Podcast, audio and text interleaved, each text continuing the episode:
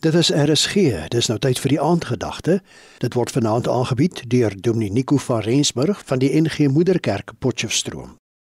Die crème de la crème. Hartlik goeienaand, liewe radiovriende. Die hele Bybelboek Daniël vertel vir ons hoe die ballinge geblom het waar hulle geplant is. Ons lees in hoofstuk 1: Die koning het beveel dat uit die Israelitiese jong manne na die paleis gebring moet word. Hulle moes uit die koninklike geslag en uit die geslag van vername mense wees. Die jong manne moes sonder liggaamsgebrek wees, mooi, toegerus met kennis, verstandig, bekwam en in staat om in die paleisdiens te doen. Hier moes hulle goed versorg word en eintlik ingelyf word in die leefstyl en waardes van die mense van Babel.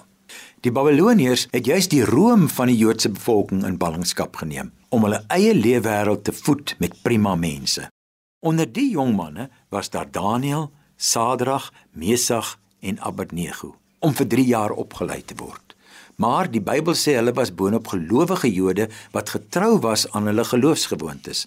Hulle het versoek om so te mag eet en optree.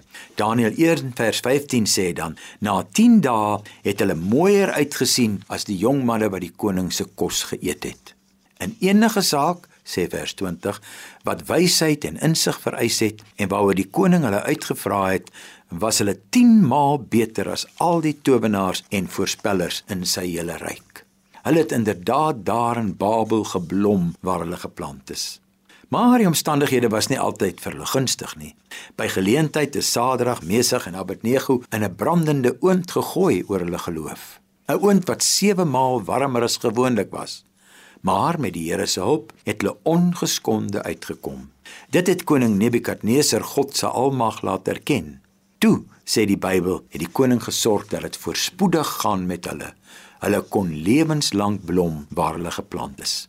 Dit was ook die geval met Daniël, wat ook vanweë sy geloof in 'n leeukuil verseer is deur koning Darius van die Mediërs. Hy het ongeskonde uitgekom en is as leier aangestel. Die Bybel sê dit het goed gegaan met Daniël gedurende die regering van baie konings. Hy het geblom waar hy geplant is. Ons sien dus hoe dat die Here se lewenslange seën rus op hulle wat getrou aan sy roeping blom waar hulle geplant is.